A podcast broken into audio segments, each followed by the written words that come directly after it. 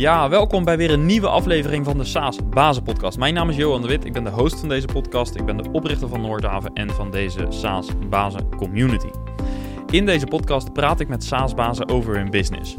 En ben je zelf ook een SaaS-baas en wil je met andere SaaS-bazen praten over jouw business? Meld je dan aan voor de besloten community voor founders van SaaS-bedrijven via community.saasbazen.nl. Ja, wel weten hoeveel websitebezoekers je hebt, maar geen idee hebben wie het zijn. Voor veel marketeers is dit de praktijk. Ze zien in Google Analytics weliswaar precies hoeveel bezoekers er op de site waren, welke pagina's er bezocht zijn en ga zo maar door. Maar sales wil weten welke bedrijven de website bezocht hebben. En dat kan met Lead Info. Lead Info is een SaaS-oplossing waarmee je precies ziet welke bedrijven jouw website hebben bezocht, aangevuld met nuttige informatie over dat bedrijf. Ga naar leadinfo.com/saasbazen voor meer informatie. Vandaag praat ik met een Jorter, zoals hij zichzelf noemt. Hilco de Roo. Hij is de co-founder van het bedrijf Jort, een Nederlandse SaaS-oplossing. Voorafgaand aan het gesprek had ik gezegd: Jort is een boekhoudpakket. Maar na het gesprek ben ik niet zo zeker of ik die term nog wel mag gebruiken. En in deze aflevering hoor je waarom dat is. Jort is actief in een Red Ocean markt waar veel concurrentie is. En toch lijkt het erop dat Jort een hele eigen positie in die markt heeft uh, gekozen. En ik wil het verhaal daarachter ontdekken. En vandaag hoor je mijn gesprek dus met Hilco.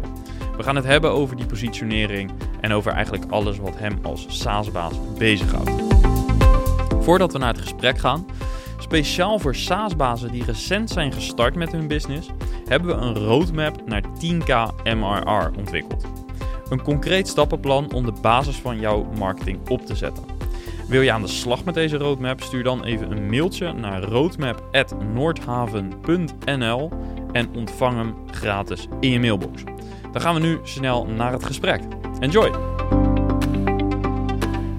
Hilco, van harte welkom in de SaaS Bazenpodcast. Dankjewel. Bedankt uh, dat je hier naartoe wilde komen uh, om het uh, over jullie product te hebben. Dat is Jort. Ja. Um, voordat we het over het product gaan hebben, kun je jezelf voorstellen aan de luisteraar. Wie ben je en wat is je rol bij Jort? Ik um, ben Hilco de Roo, um, ondernemer en vader van vijf kinderen. Woon in Muidenberg, tussen Amsterdam en Almere, waar we onze kantoren hebben. Dus precies in het midden woon ik. Um, en ik ben hier vandaag in mijn rol als uh, CEO van, van Jort. Ja, doe je daarnaast ook nog andere dingen? Nee. Dat is, uh, nou ja, behalve uh, niet, niet op werkgebied, wel privé. Ja, uiteraard, maar geen andere zakelijke activiteit. Dus volledige focus op Jort, juist. Um, uh, als we gaan kijken naar Jort, jullie zijn een boekhoudpakket, zo zou ik het kunnen noemen. er zijn veel boekhoudpakketten in, in Nederland alleen al. Um, wat maakt Jort anders? Welk probleem lossen jullie anders op? Er zijn, dat zijn twee vragen die je stelt. um, allereerst is het belangrijk dat er zijn zo'n 300 boekhoudprogramma's in Nederland. Als je gaat googelen, dan kom je nog meer tegen, maar er zijn zo ongeveer zo'n 300 die er zijn. Um, en daarvan zijn er 299 boekhoudprogramma's. En er is één programma die de boekhouding voor je doet. En dat is Jort. En daar zit gelijk het allergrootste verschil in. Wij zijn niet een boekhoudprogramma, maar een programma dat de boekhouding voor je doet. Oké, en betekent dat ook dat jullie volledig inzetten op uh, totale automatisering voor de gebruiker? Of uh, hoe, hoe, moet ik dat voor me zien? Wat, wat, betekent het voor de gebruiker? Voor de gebruiker betekent het dat in onze ideale situatie um, doet een gebruiker niets en is het resultaat een belastingaangifte aan het einde van het jaar. Dus alles daartussen, alle menselijke handelingen zijn wij aan het weghalen. En daar zijn wij eigenlijk de hele dag mee bezig. Dat is wat wij doen. Ja. En dat lost eigenlijk het probleem op. Nog heel even terugkomen op je eerdere vraag. Um, boekhouding is een onderdeel van ondernemen, of je wil of niet. Um, je moet boekhouding doen voor de Belastingdienst. Je wil de boekhouding doen omdat je daarop kan sturen en je bedrijf uh, in de goede koers kan houden, juiste beslissingen kan nemen. Um, het is dus heel belangrijk om het te doen, maar heel veel ondernemers kijken er tegenop, vinden het vervelend. Um, en wij maken boekhouden gaaf. En dat zeggen klanten ook terug? Dat zeggen klanten ook echt terug. Ja. Dat staat ook in onze reviews. Hè. Onze payoff is boekhouden met een glimlach. Je hoort boekhouden met een glimlach. Wij laten ondernemers boekhouden met een glimlach. En dat gebeurt ook echt. Ik heb de, in, in voorbereiding naar dit gesprek heb ik de reviews natuurlijk ook even doorgelezen. En ik kan het ook inderdaad bevestigen uh, dat jullie uh, volgens mij 4,8 uit 5 scoren zo'n beetje. 4,8 op Google ja, uh, inderdaad, ja. Facebook 4,9. vanmorgen nog even snel gekeken. Ja. Um, het belangrijkste verschil is dat um, um, wij laten ondernemers het boekhouden begrijpen. Dus anders dan dat je moet boekhouden, doen wij de boekhouding voor je. Het resultaat zie je voor je ogen gebeuren. En daardoor ga je dingen begrijpen. En wij gebruiken hele begrijpelijke taal, hè? geen debiteuren, crediteuren. Iedereen weet wat het is. Maar als je zegt wat is een debiteur, dan moet iedereen altijd even denken: is nou een klant of een leverancier? Ja. Wat was het nou? Wij noemen het gewoon klant en leveranciers. Hè? Veel simpeler. Um, en wij plaatsen alles al voor je. En wij beginnen waar een ondernemer het begrijpt. Um, weinig ondernemers kunnen boekhouden. Maar ieder ondernemer begrijpt dat er op zijn bankrekening is gebeurd.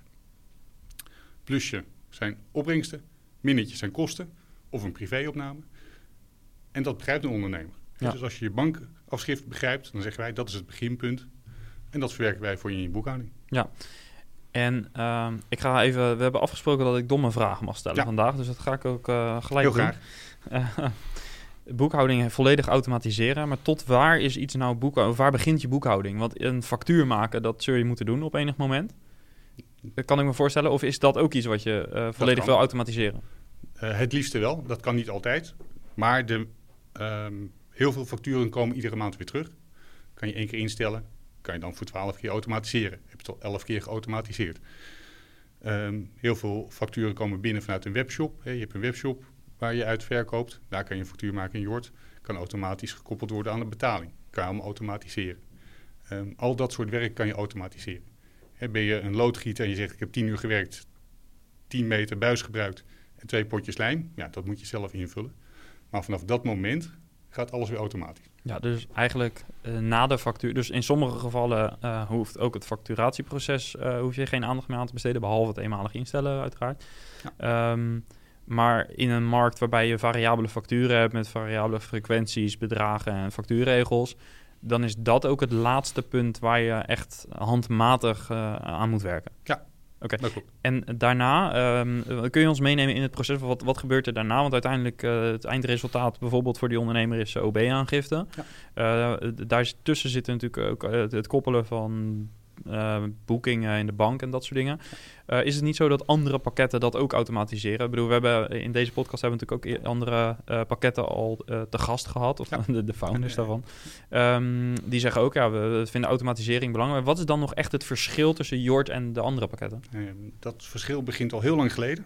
In 1495 heeft een Italiaanse monnik die heeft boekhouden uitgevonden. Dat is echt waar. Vriendje van Michelangelo, hele slimme, slimme vent. Um, die heeft het allemaal uitgevonden. En uh, de reden dat we debit en credit hebben, dat je twee kolommen hebben, is omdat die hele slimme Italiaanse monnik niet in één kolom positieve en negatieve bedragen bij elkaar kon optellen. Dus die heeft twee kolommen gemaakt en daarom werken we met twee kolommen. Dat is eerlijk waar de reden waarom we zo werken. Um, die had een heel groot boek. Dat was het grootboek. Daar schreef hij aan het eind van de dag schreef hij alles in op.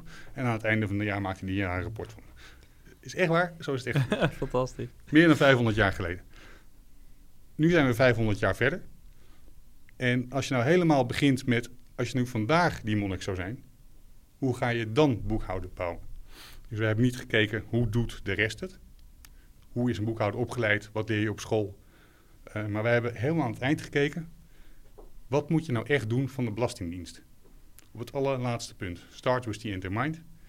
Um, waar moet een boekhouding nou aan voldoen? En dat is helemaal niet zoveel de meeste bedrijven. Um, daar zijn we begonnen. Toen zijn we gekeken. Uh, en het eindpunt is voor iedereen gelijk. Of je nou Shell bent of een kleine ondernemer. Je aangifteformulier is voor iedereen precies hetzelfde. Toen zijn we helemaal aan het begin gaan kijken. Wat is voor iedereen het beginpunt? En dat is tegenwoordig voor iedereen uh, de bijnafschrijvingen van je bank. Die begrijpt iedereen. En dus wat hebben wij gedaan? We hebben een beginpunt gepakt, we hebben een eindpunt gepakt die voor iedereen gelijk is. Daar hebben we een lijn tussen getrokken. En daar zijn we al het menselijke werk uit gaan halen, stap voor stap. Dus we lezen de bankafschrijving in. En vanaf daar gaan we zeggen, hey, we zien een bonnetje of een betaling aan KPN, een, telecomprovider. Dan weten wij, hey, dat zijn kantoorkosten, zit 21% btw op. KPN factureert 14 dagen later dan dat ze incasseren. Of zoiets andersom is, incasseren 14 dagen nadat ze factuur hebben gestuurd. Dus wij weten aan de hand van de bankafschrijving het bedrag, de BTW, de boekdatum of de factuurdatum en de betaaldatum. Kunnen we automatiseren. Dat is heel simpel. Alle andere bedrijven die beginnen bij het bonnetje. Lever je geen bonnetje in, is er geen boeking. En dat is echt een wereld van verschil. De enige waarheid die er is binnen een bedrijf is een bankrekening. Wat op je bankrekening is gebeurd, is waar. Al het andere is subjectief. Dus als het op je bankrekening is gebeurd, weten we wat het beginpunt is. We weten wat het eindpunt is. En dat kan je automatiseren. Ja. En tussen die bankrekening en uh, of de, de, bankboeking en uh, dus de, de, bijvoorbeeld de belastingaangifte. Um, daar zitten dus uh, nou, stap, de, de, factuur zit daar feitelijk al voor, want anders krijg je geen bedrag binnen hè, als het een verkoopfactuur is. Dat hoeft niet meer tegenwoordig. Vijf, 85 procent, dat is ook weer van vroeger. Hè? Vroeger, mm toen dit proces bedacht is, stuurde eerst een factuur. Die ging te paard ging die naar uh, de ontvanger toe. Ja. Die zak, stuurde een week later een zakje geld terug. Hè. Dat moest je allemaal weer met kruisposten moet je dat allemaal weer uh, gaan opboeken. En allemaal moeilijk en lastig.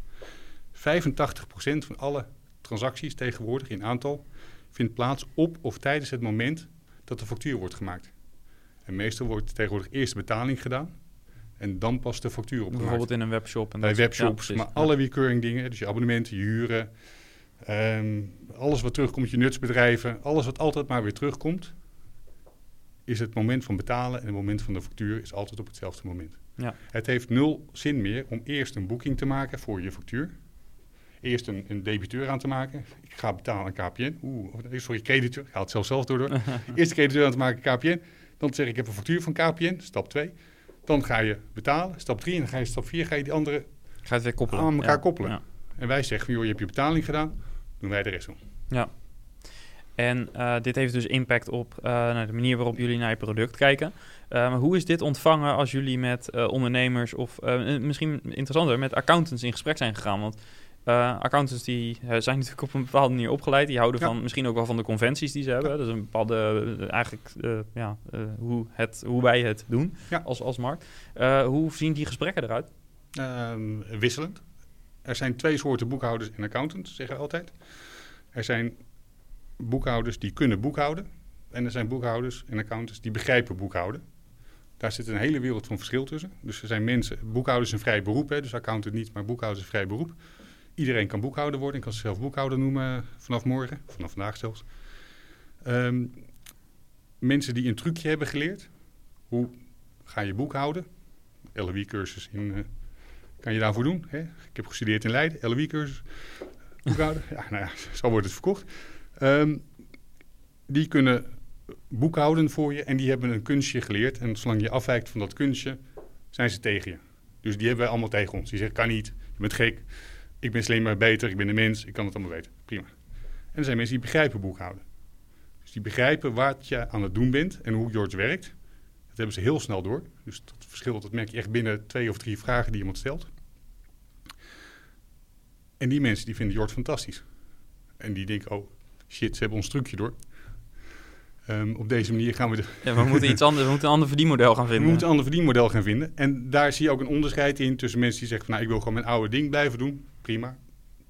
En mensen die zeggen van, hé, hey, um, dit biedt nieuwe kansen. Nu heb ik eindelijk tijd om mijn klant echt te helpen met advies en dat soort dingen. Ja, bijvoorbeeld. ja maar iedere boekhouder die verkoopt, ja, maar ik ben goed en ik geef je advies en ik, ik verdien meer dan dat ik uh, jouw kosten, zegt iedere boekhouder. Ja. Nou, er is nog nooit een boekhouder geweest die een creditsfactuur heeft gestuurd. Hè? Iedereen stuurt alleen maar uh, kosten aan je.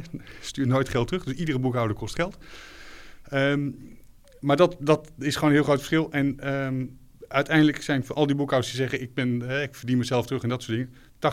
80% van de tijd zit in het boeken van domme bonnetjes. KPN, brandstof, lunchen.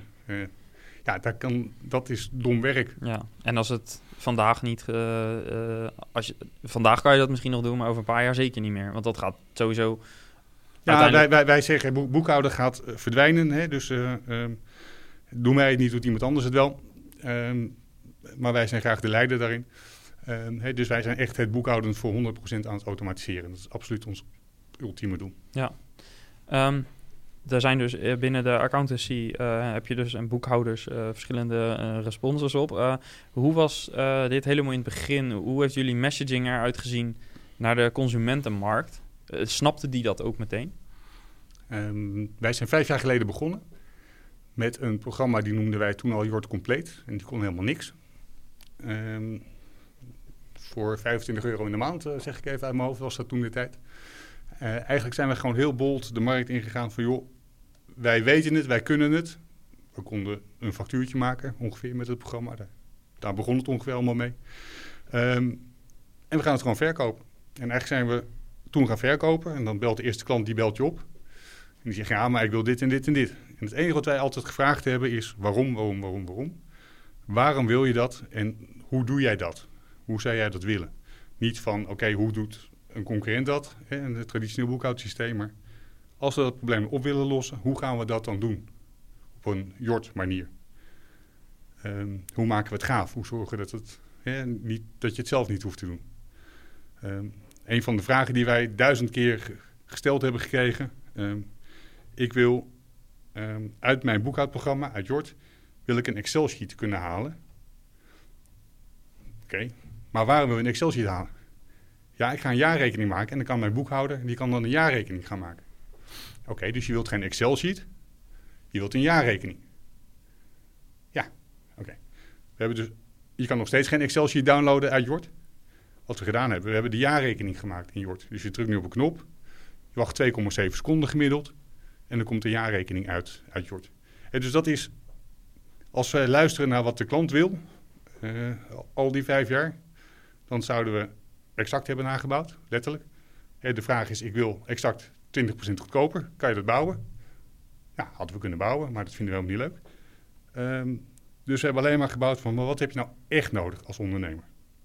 En niet waar vraag je om. Ja, wat is de vraag achter de vraag? Dat dus, is de uh, vraag bedankt, achter de vraag achter de vraag achter de ja, vraag zelfs. Bedankt dus. voor de oplossing, maar wat is het probleem? Ja. wat we moeten oplossen. Ja, dat is uh, de vraag. Ja. ja, gaaf. Nou ja, dat uh, is denk ik ook een hele heldere route. En dat zouden denk ik heel veel ik ken heel veel SaaS-bedrijven die dat ook doen.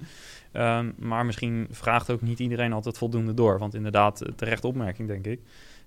de eerste waarom-vraag leidt ook niet altijd meteen tot het antwoord. Wat je natuurlijk ook vaak ziet is dat oorzaak, uh, gevolg door elkaar gehaald worden of uh, symptomen worden bestreden, maar ja. uiteindelijk niet de, de daadwerkelijke oorzaak. Uh, dus alleen al, wij geven onze klant ook wel eens de oefening om op te schrijven wat is het probleem, wat zijn de symptomen, wat zijn de consequenties en wat is uiteindelijk dan de oorzaak. Dus de, dat je daar een, wat meer grip op krijgt. En alleen al door dat soort communicatie beter te, te, te, formuleren en te organiseren, krijg je vaak al veel meer helder wat er nou echt het probleem is wat je onderaan de streep oplost. Ja, uh, ja interessant. Een, een, van de dingen die wij doen, um, als je onze reviews hebt gelezen, dan heb je ook waarschijnlijk de lovende kritiek over ons sportteam uh, gelezen. Um, wij geven belachelijk goede support, telefonisch. Dus wij zijn een SaaS-bedrijf met een telefonische supportdesk. Um, en wij gaan net zo lang door tot dat probleem is opgelost. En we leveren een dienst voor 17,50 euro. Dus commercieel is dat verschrikkelijk onhandig. He, commercieel gezien zou je dat ja. absoluut niet moeten doen. Als je SaaS-bedrijf begint, neem geen telefonische spoordesk. Je wordt helemaal plat gebeld. Uh, maar wat wij gedaan hebben en wat, waar wij support op uh, uh, sturen, africhten wou ik zeggen, maar inrichten is het goede woord, sorry. Um, waar wij support op inrichten is dat um, wij, wij, zijn van mening dat als een klant ons belt, dat wij een probleem hebben. Ja, nou dat is ook zo. Want waarschijnlijk is er iets niet helemaal duidelijk geweest. Dus, he, ja. dus iets is er niet duidelijk. En wij willen dus begrijpen, wat is er dan niet duidelijk? En dat betekent dus ook dat niet alleen het sportteam de telefoon opneemt, maar dat ik ook zelf af en toe nog gewoon de telefoon opneem. En gewoon wil horen van wat is er nou, wat is nou het probleem? Wat is nou eigenlijk mijn probleem? Als een ja. klant mij belt, dan wat is dan mijn probleem? Niet dat is jouw probleem, maar wat is mijn probleem? Um, en hoe lossen we dat op? En dat wordt dan opgelost. En, uh, en wat is ook de oorzaak? En, en wat is de oorzaak? Ja. En, en, um, en het supportteam werkt daar ook in mee om te zorgen dat ja, dingen waar veel over gebeld wordt, dat dat dus op een Jort manier wordt opgelost. Ja. Uh, je hebt nu volgens mij twee keer uh, de Jort-manier uh, laten vallen. Hebben jullie dat ook op een bepaalde manier ergens gedefinieerd met bepaalde richtlijnen of iets dergelijks? De belangrijkste richtlijn die we hebben is dat we boekhouden gaaf maken. Dus we hebben ook gedefinieerd in welke uh, value requirements wij hebben voor Jort. En daarin staat bovenin dat het gaaf moet zijn. Heel simpel. Je moet gewoon denken van, hé, hey, dit is gaaf. En dat kan uh, voor ons op de neurde manier aan de achterkant heel gaaf zijn. En dat moet voor de gebruiker aan de voorkant heel gaaf zijn. Ehm, maar het moet gewoon gaaf zijn. De experience moet gewoon... Ik ben aan het boekhouden. Ik word niet zagrijnig, maar ik vind het gewoon gaaf. En hoe meten jullie dat?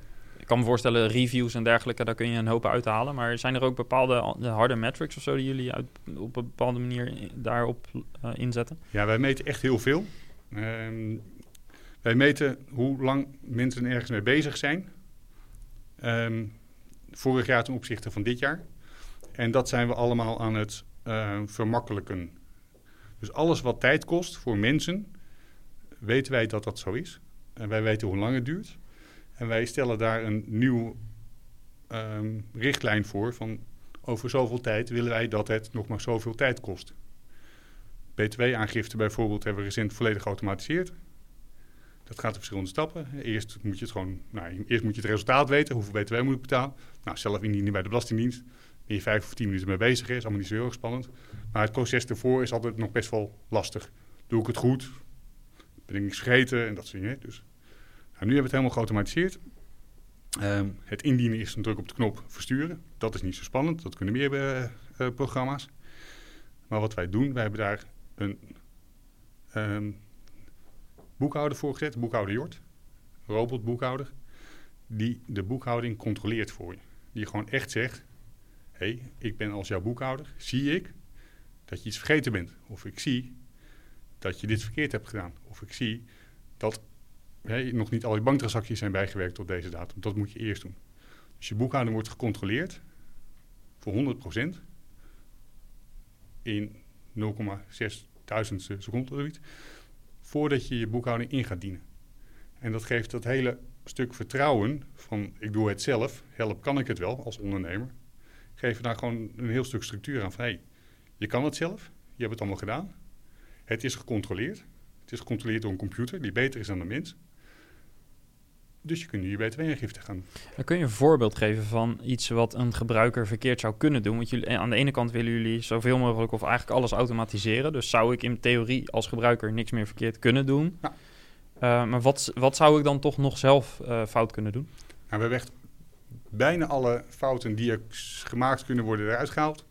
Uh, lunchbonnetjes worden op de juiste manier geboekt. Dus zonder btw en gedeelte privé gebruik en dat soort dingen.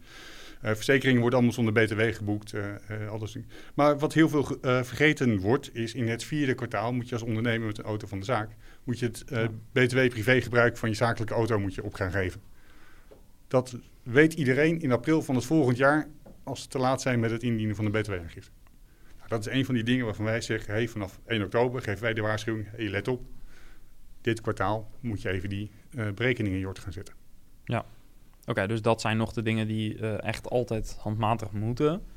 Uh, in ieder geval nu nog. Ja. Um, en daar zit dus nog die extra controle op. Dus de processen die je nog niet volledig kunt automatiseren, daar heb je dan in ieder geval nog een extra hulpmiddel om te voorkomen dat er fouten gemaakt worden. Ja, wij werken met alles wat we doen in New York met stappen.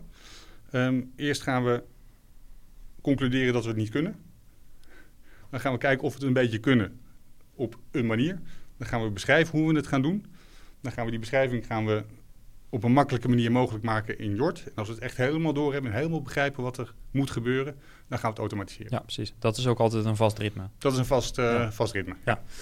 Um, je gaf net aan dat, uh, dat het gaaf moet zijn. Dat staat ja. bovenaan uh, ja. jullie richtlijnen. wat zijn andere richtlijnen in dat document? Dat het moet kloppen.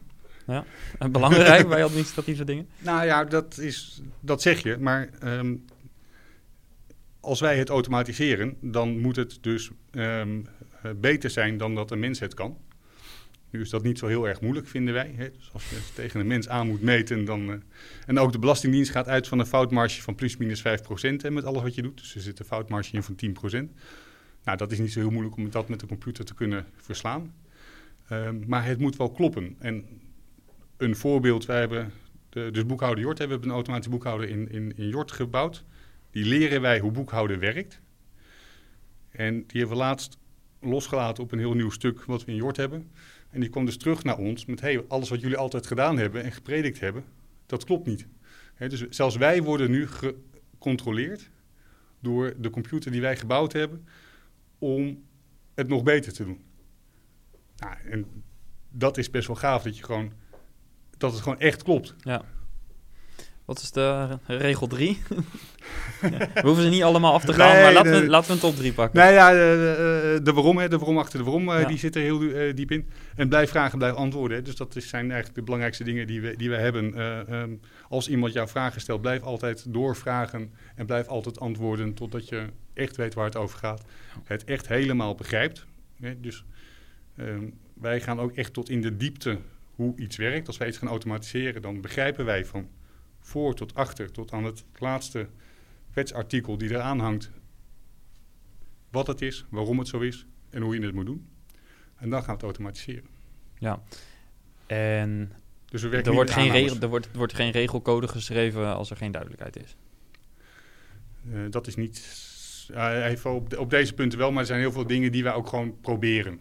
Ja, maar dan release je ze niet. Eh, kan ik me zo voorstellen. Nee, ook. ehm, dus ehm, aanmeldprocedures moet je gewoon verschillende dingen proberen naast elkaar.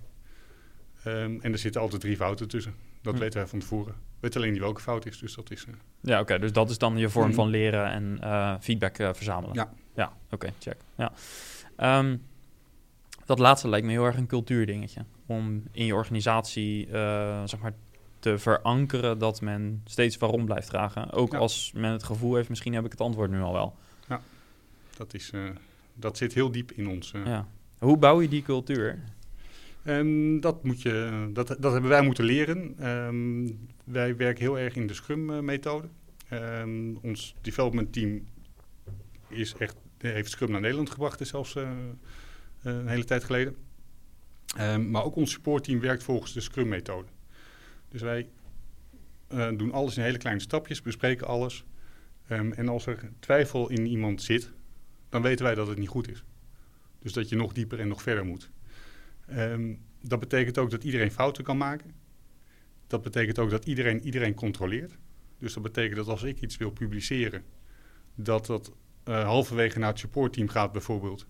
Dat die het doorlezen en dat ik niks doe totdat zij het goed, goed hebben gekeurd. Dus die controle, die, het is niet dat ik directief van boven naar beneden iets manage. En als ik het zeg is het goed, ook al is het niet goed. Ehm, het gaat ook van beneden naar boven toe. En het gaat van links naar rechts en naar alle kanten op. Ja. Ehm, en dat, is, dat heeft te maken met vertrouwen wat je moet geven. Dus je moet mensen de tijd en de ruimte geven om fouten te maken.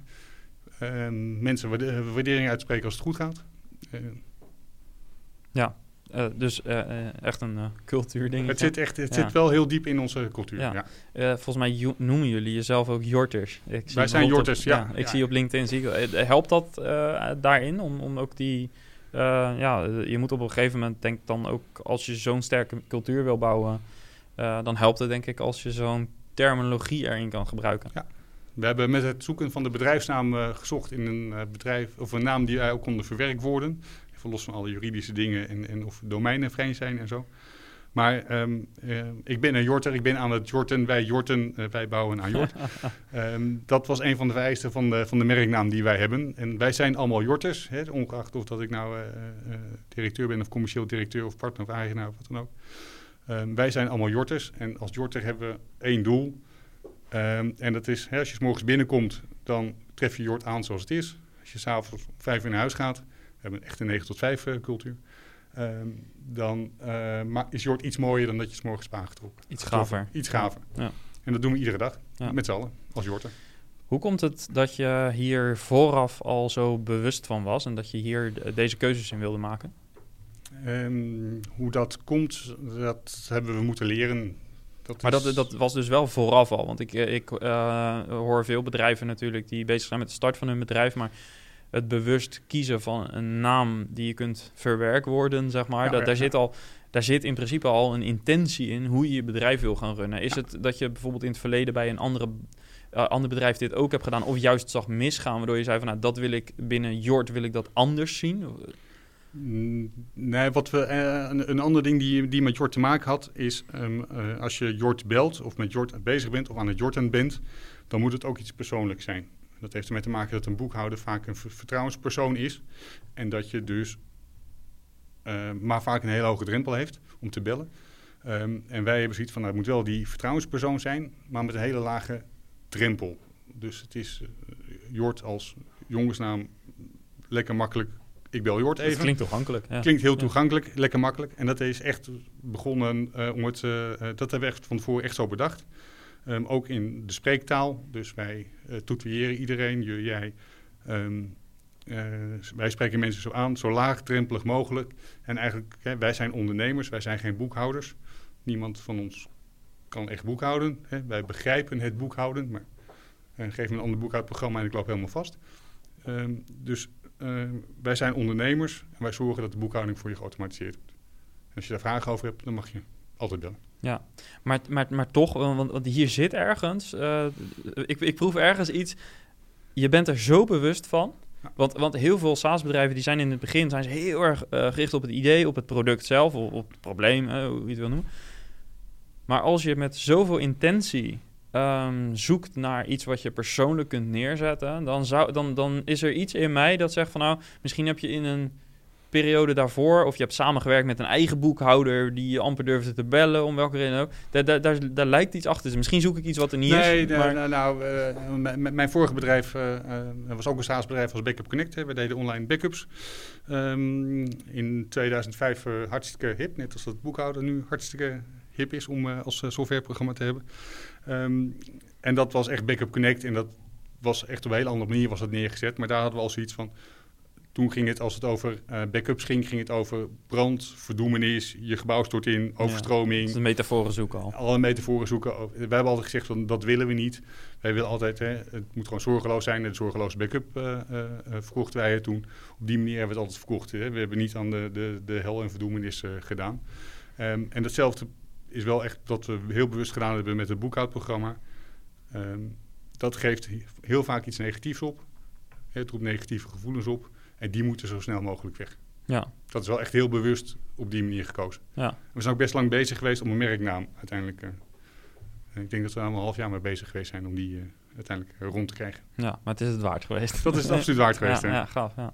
Nou ja, het is in die zin, kijk, ik ken de, de, de markt best wel redelijk, durf ik wel te zeggen. Omdat ik bij verschillende uh, boekhoudpakketten, maar ook andere soorten financiële pakketten betrokken ben geweest, in welke rol dan ook. En uh, Jort, die staat natuurlijk altijd wel op een lijstje waarbij er zit wel een gevoel bij, ja. uh, wat je nu ook wel uitspreekt, denk ik.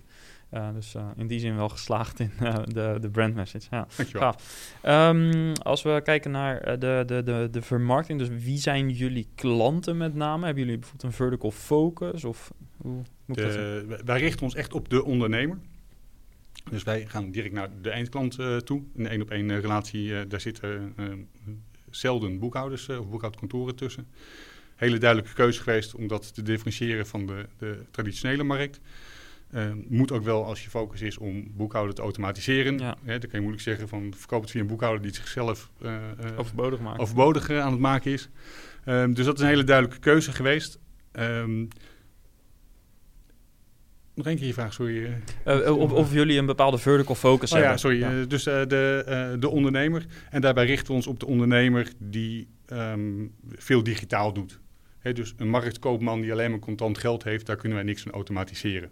He, dus dat is de ene kant van het spectrum. De andere kant, um, als je een verhuurmaatschappij hebt voor een bedrijfspand, noem even wat, dat kunnen we 100% automatiseren. He, komen de maandelijkse facturen komen automatisch uit. Je hebt uh, tien uh, nutsbedrijven uh, waar je spullen van afneemt. Kan je allemaal automatiseren.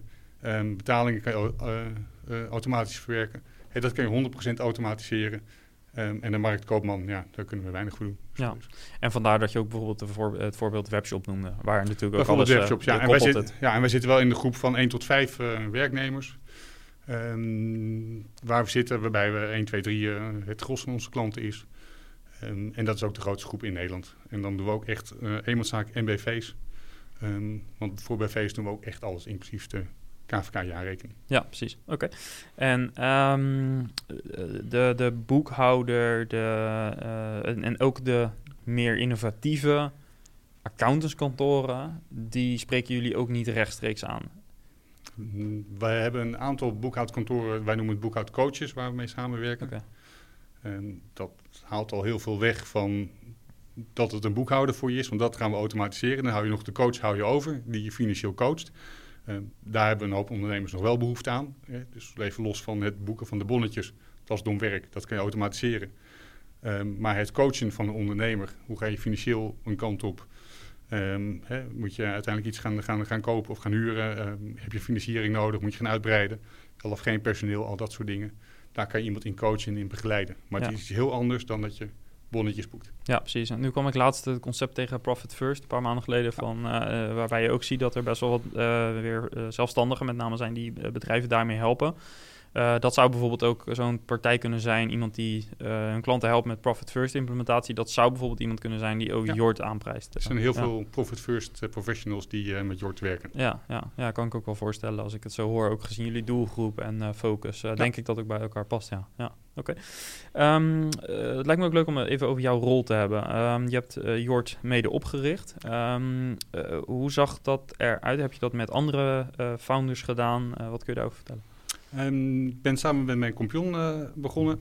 Eh, daar heb ik ook mijn vorige bedrijf mee gehad. Die hebben we in 2013 eh, verkocht eh, volgens het eh, boekje Amerikaanse bedrijf eh, genoteerd. Ehm, ik heb toen nog twee jaar gewerkt voor dat bedrijf. En uiteindelijk hadden wij zoiets van... eh, wij, wij hebben het boekhouden nooit begrepen. Wij waren best wel een behoorlijk bedrijf. We hadden in 30 landen over vier continenten hadden we klanten. Ehm, in mijn hoofd wist ik alles. Hè, ieder bonnetje in het bedrijf ging door mijn handen, zowel ingaand als uitgaand. Dus ik wist in mijn hoofd precies hoe het werkte. Maar als ik een keertje vroeg van, goh, hoe zit het nou met uh, het, rapport? Dan kreeg ik een ding voor me waarvan ik echt niet begreep wat erin stond.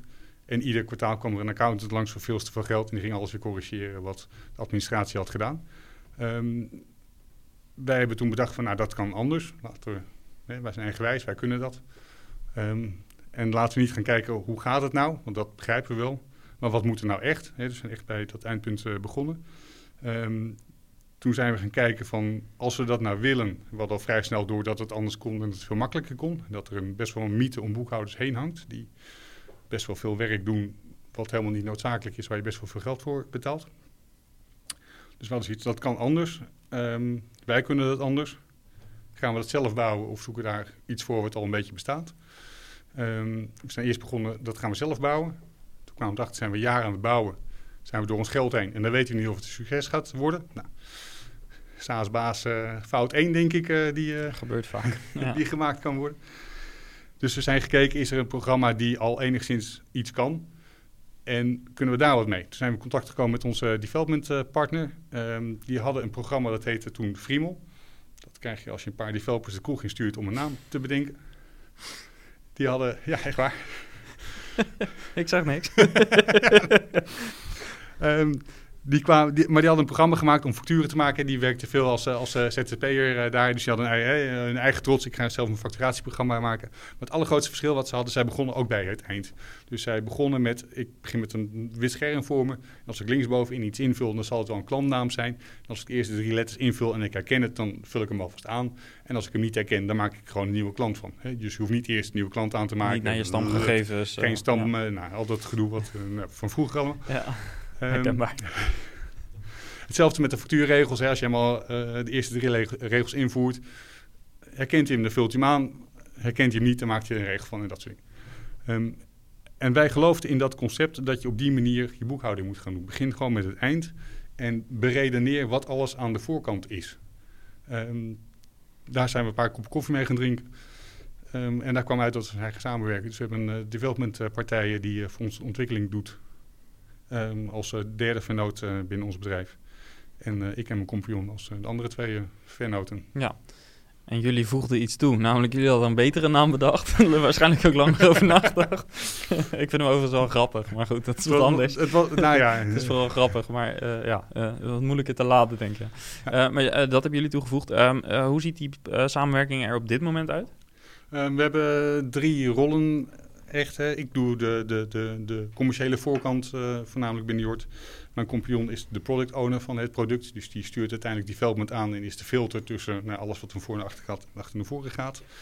Um, en development die, die bouwt. En, maar die werkt heel erg zelfstandig. Dus dat is, wij leggen daar geen oplossingen neer, maar we leggen daar het probleem neer. Um, en daardoor komen ze vaak met dingen terug die veel beter zijn dan dat wij van tevoren hadden kunnen bedenken. Ja. En zij denken ook dus op de Jort manier. Zij Dat denken is- zeker op eh, de Jort manier en daar houden we elkaar ook heel scherp in. Ja, want het is wel een extern partner. Het is een ja, externe hoe partner. het die- zien? nou, het is een externe partner die ook aandeelhouder is. Ja, precies. Oké, ja. Eh, dus op die manier is dat georganiseerd. Ja. Ehm, en dat is in Nederland? Alles in Nederland. Dus we hebben eh development kantoors in Amsterdam. Je krijgt geen developers buiten Amsterdam, dus dat is heel simpel. ja. Ehm, en wij zitten in Almere. Ja, Dus de, de voorkant zit in Almere, de achterkant zit in Amsterdam. ja oké. Nou, dat eh, lijkt me prima te doen. Overigens, in deze tijd, eh, jullie werken nu allemaal remote ook, kan ik me zo voorstellen, in coronatijd. We zitten nu in de tweede piek als we dit We opnemen. zitten in de tweede piek eh, als we dit opnemen. Ehm het development team werkt al het hele jaar zo'n beetje volledig gescheiden van elkaar. Ehm, en op kantoor, daar merken we dat we hebben op zich maar twee supportmedewerkers op de 43.000 eh, gebruikers die wij hebben.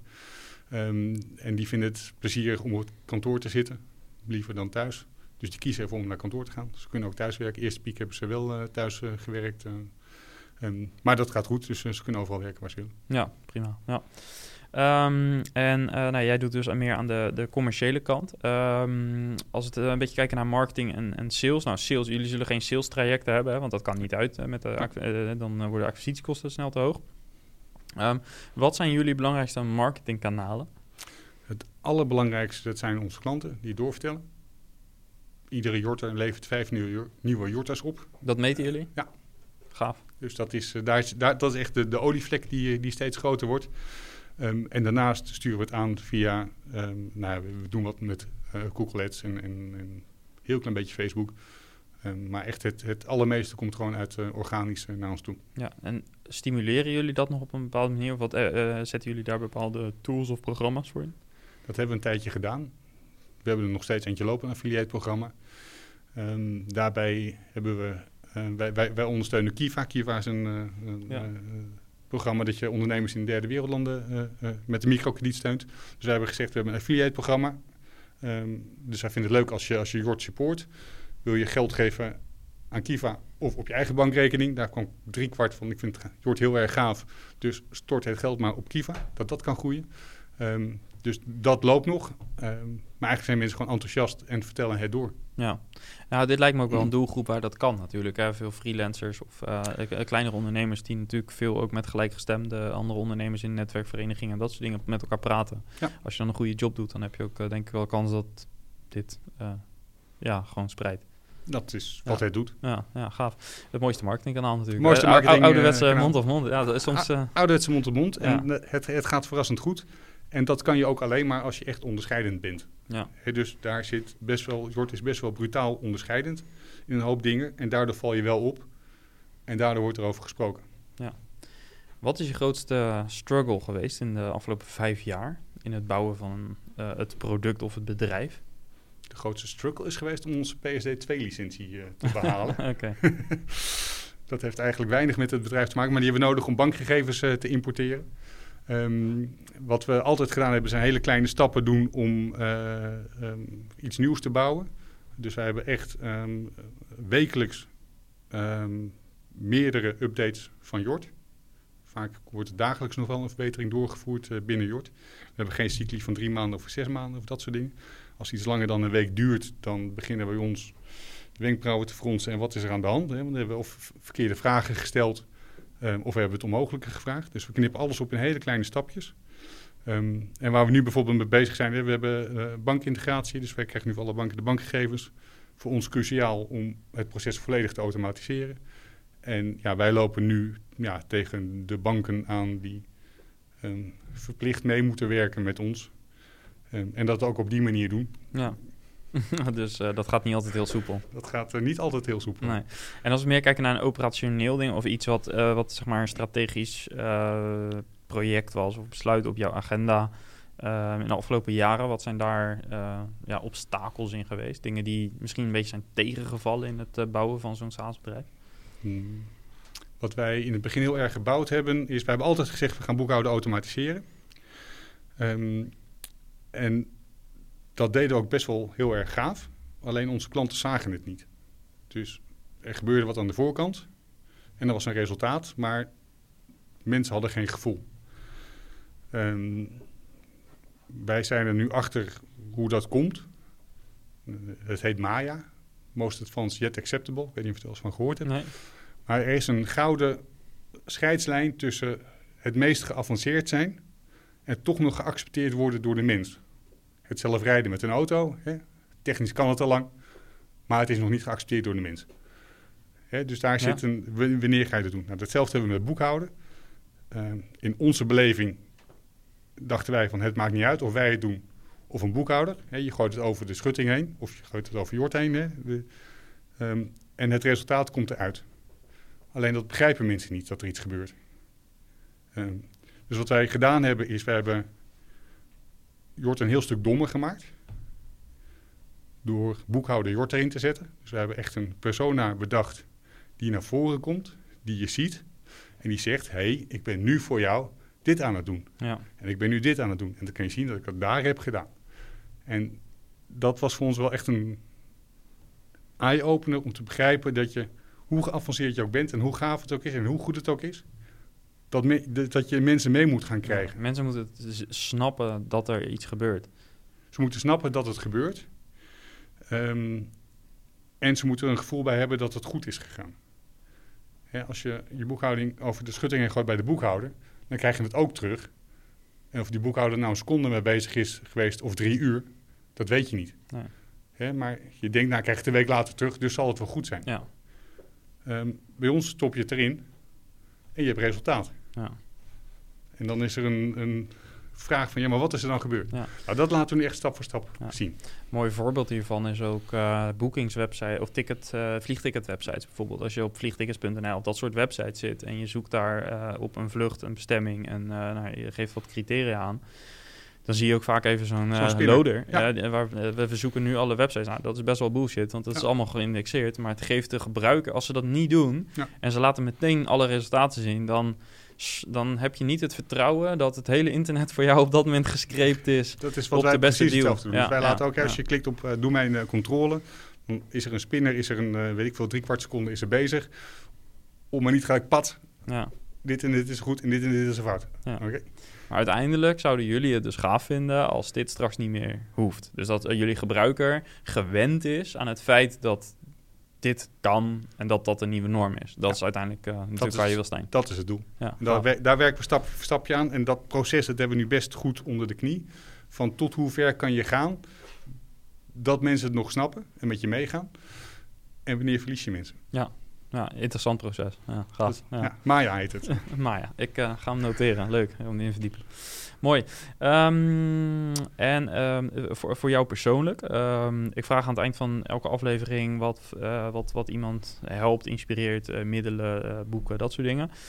Wat zou een tip zijn aan andere SaaS-bazen, aan luisteraars, waar jij ook veel aan gehad hebt? Aan boeken om Bijvoorbeeld? te Ja. lezen. Lees veel boeken. Lees audioboeken. Ik lees audioboeken in de auto met oordopjes in en dan eh eh, audiobol. En, en ga daar, als je daar één boek, eh, Start with Why, eh, begint, dan, dan krijg je de hele rits die ik ga noemen, krijg je, daar, Aanbevolen. Ja. krijg je daaronder. Ehm, maar lees het in de auto, want dan kom je ergens aan en dan kan je het gelijk toepassen. Ehm, lees heel veel dingen waarvan je denkt van dat weet ik al of daar heb ik niks aan. Maar daar leer je altijd iets van. Hè? Als je weet hoe het niet moet, dan weet je ook hoe het waarschijnlijk wel moet. Ehm, je weet niet wat je niet weet. Hè? Dus eh, eh, hoe meer Hoe informatie meer je krijgt, hoe, eh, hoe minder je weet. zeg hoe maar. beter je wordt. Ja. Ehm, Maar ook tegelijkertijd hoe minder je weet, want je realiseert je steeds meer dat er nog heel veel meer Ja, is. Ja. En, en dat moet je dus doen. Ja. Ehm, en ja, ik ben een groot fan van de, van de, de, de Seppels-methode, waar Coolblue ook groot mee is geworden. Het begint gewoon heel klein, iedere dag een beetje beter, alles voor een glimlach. Delivering Happiness heet het volgens mij van, van Seppels. Ehm, die hebben dat verschrikkelijk goed gedaan. Ehm Richard Poordet en, en eh, eh, de Miljonair Next Door. eh, voor, Robert voor, Kiyosaki. ja, hè, van hoe, hoe ga je met je geld om? Ook heel erg belangrijk. Hè. Eh, ga niet alvast dromen van als ik miljonair ben dan...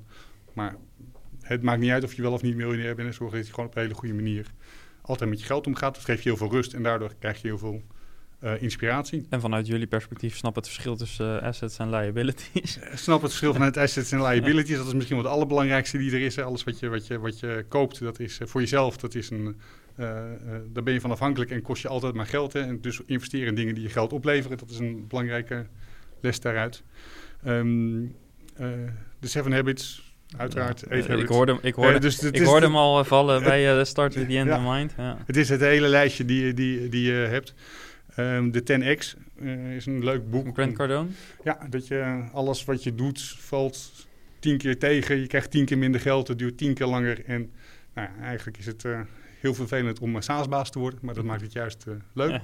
Dus het begint allemaal met een fantastisch idee en je schrijft het op en je maakt een business model canvas. En je doet alles goed, denk je, totdat je begint. En dan is de wereld toch anders dan de theorie. Um, ja, lees al dat soort boeken en, en, en steek daar heel veel van op. Ja, nou hier zaten genoeg tips bij. Ik heb niet mee kunnen schrijven, dus dit uh, gaan we even zorgen dat we bij het monteren het uh, lijstje even op, ophalen. Ja. Um, wat is het beste om te beginnen? Om te beginnen, start with the end in mind. De, dus, de, de, de Seven Habits. Seven habits ja. Nou, dat antwoord geef ik ook altijd. Ja.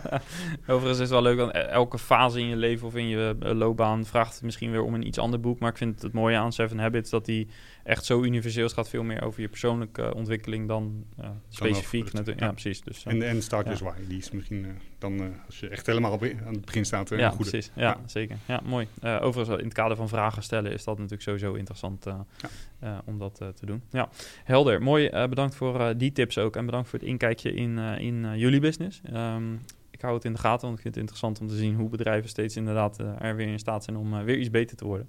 Uh, en ja, ik geloof zelf ook in dat concept. Dus ja, gaaf om dat vanaf de zijlijn te, te kunnen volgen. Um, waar kunnen mensen iets over jou vinden als ze met je in contact willen komen? uiteraard op onze website, jort.nl.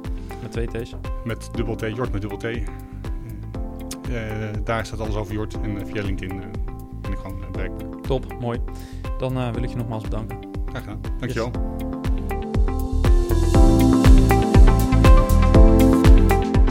Ervaar jij het doen van je salarisadministratie als gedoe? En vind je het net als heel veel andere ondernemers tijdrovend om je boekhouder te mailen over nieuwe werknemers, contractverlengingen en salariswijzigingen? Ontdek dan hoe je die salarisverwerking op een andere manier kan doen. Namelijk met een moderne SaaS-oplossing van Employes, waarmee je zelf de touwtjes in handen hebt. En zo aan het eind van dit jaar is het het perfecte moment om over te stappen op zo'n nieuwe softwareoplossing. Ga naar saasbazen.employees.nl om je account aan te maken. Luisteraars van de SaaS Bazen podcast krijgen bovendien drie maanden helemaal gratis. Ben je zelf een SaaS-baas en wil je ook in contact komen met SaaS-bazen? Meld je dan aan voor de community op community.saasbazen.nl. Of ben je net gestart met je SaaS-business en wil je onze roadmap naar 10k MRR ontvangen? Stuur even een mailtje naar roadmap.noordhaven.nl. En was deze aflevering interessant voor je? Laat dan een review achter in jouw favoriete podcast-app of deel hem met een SaaS-baas uit jouw netwerk. Bedankt weer voor het luisteren. Ciao, ciao!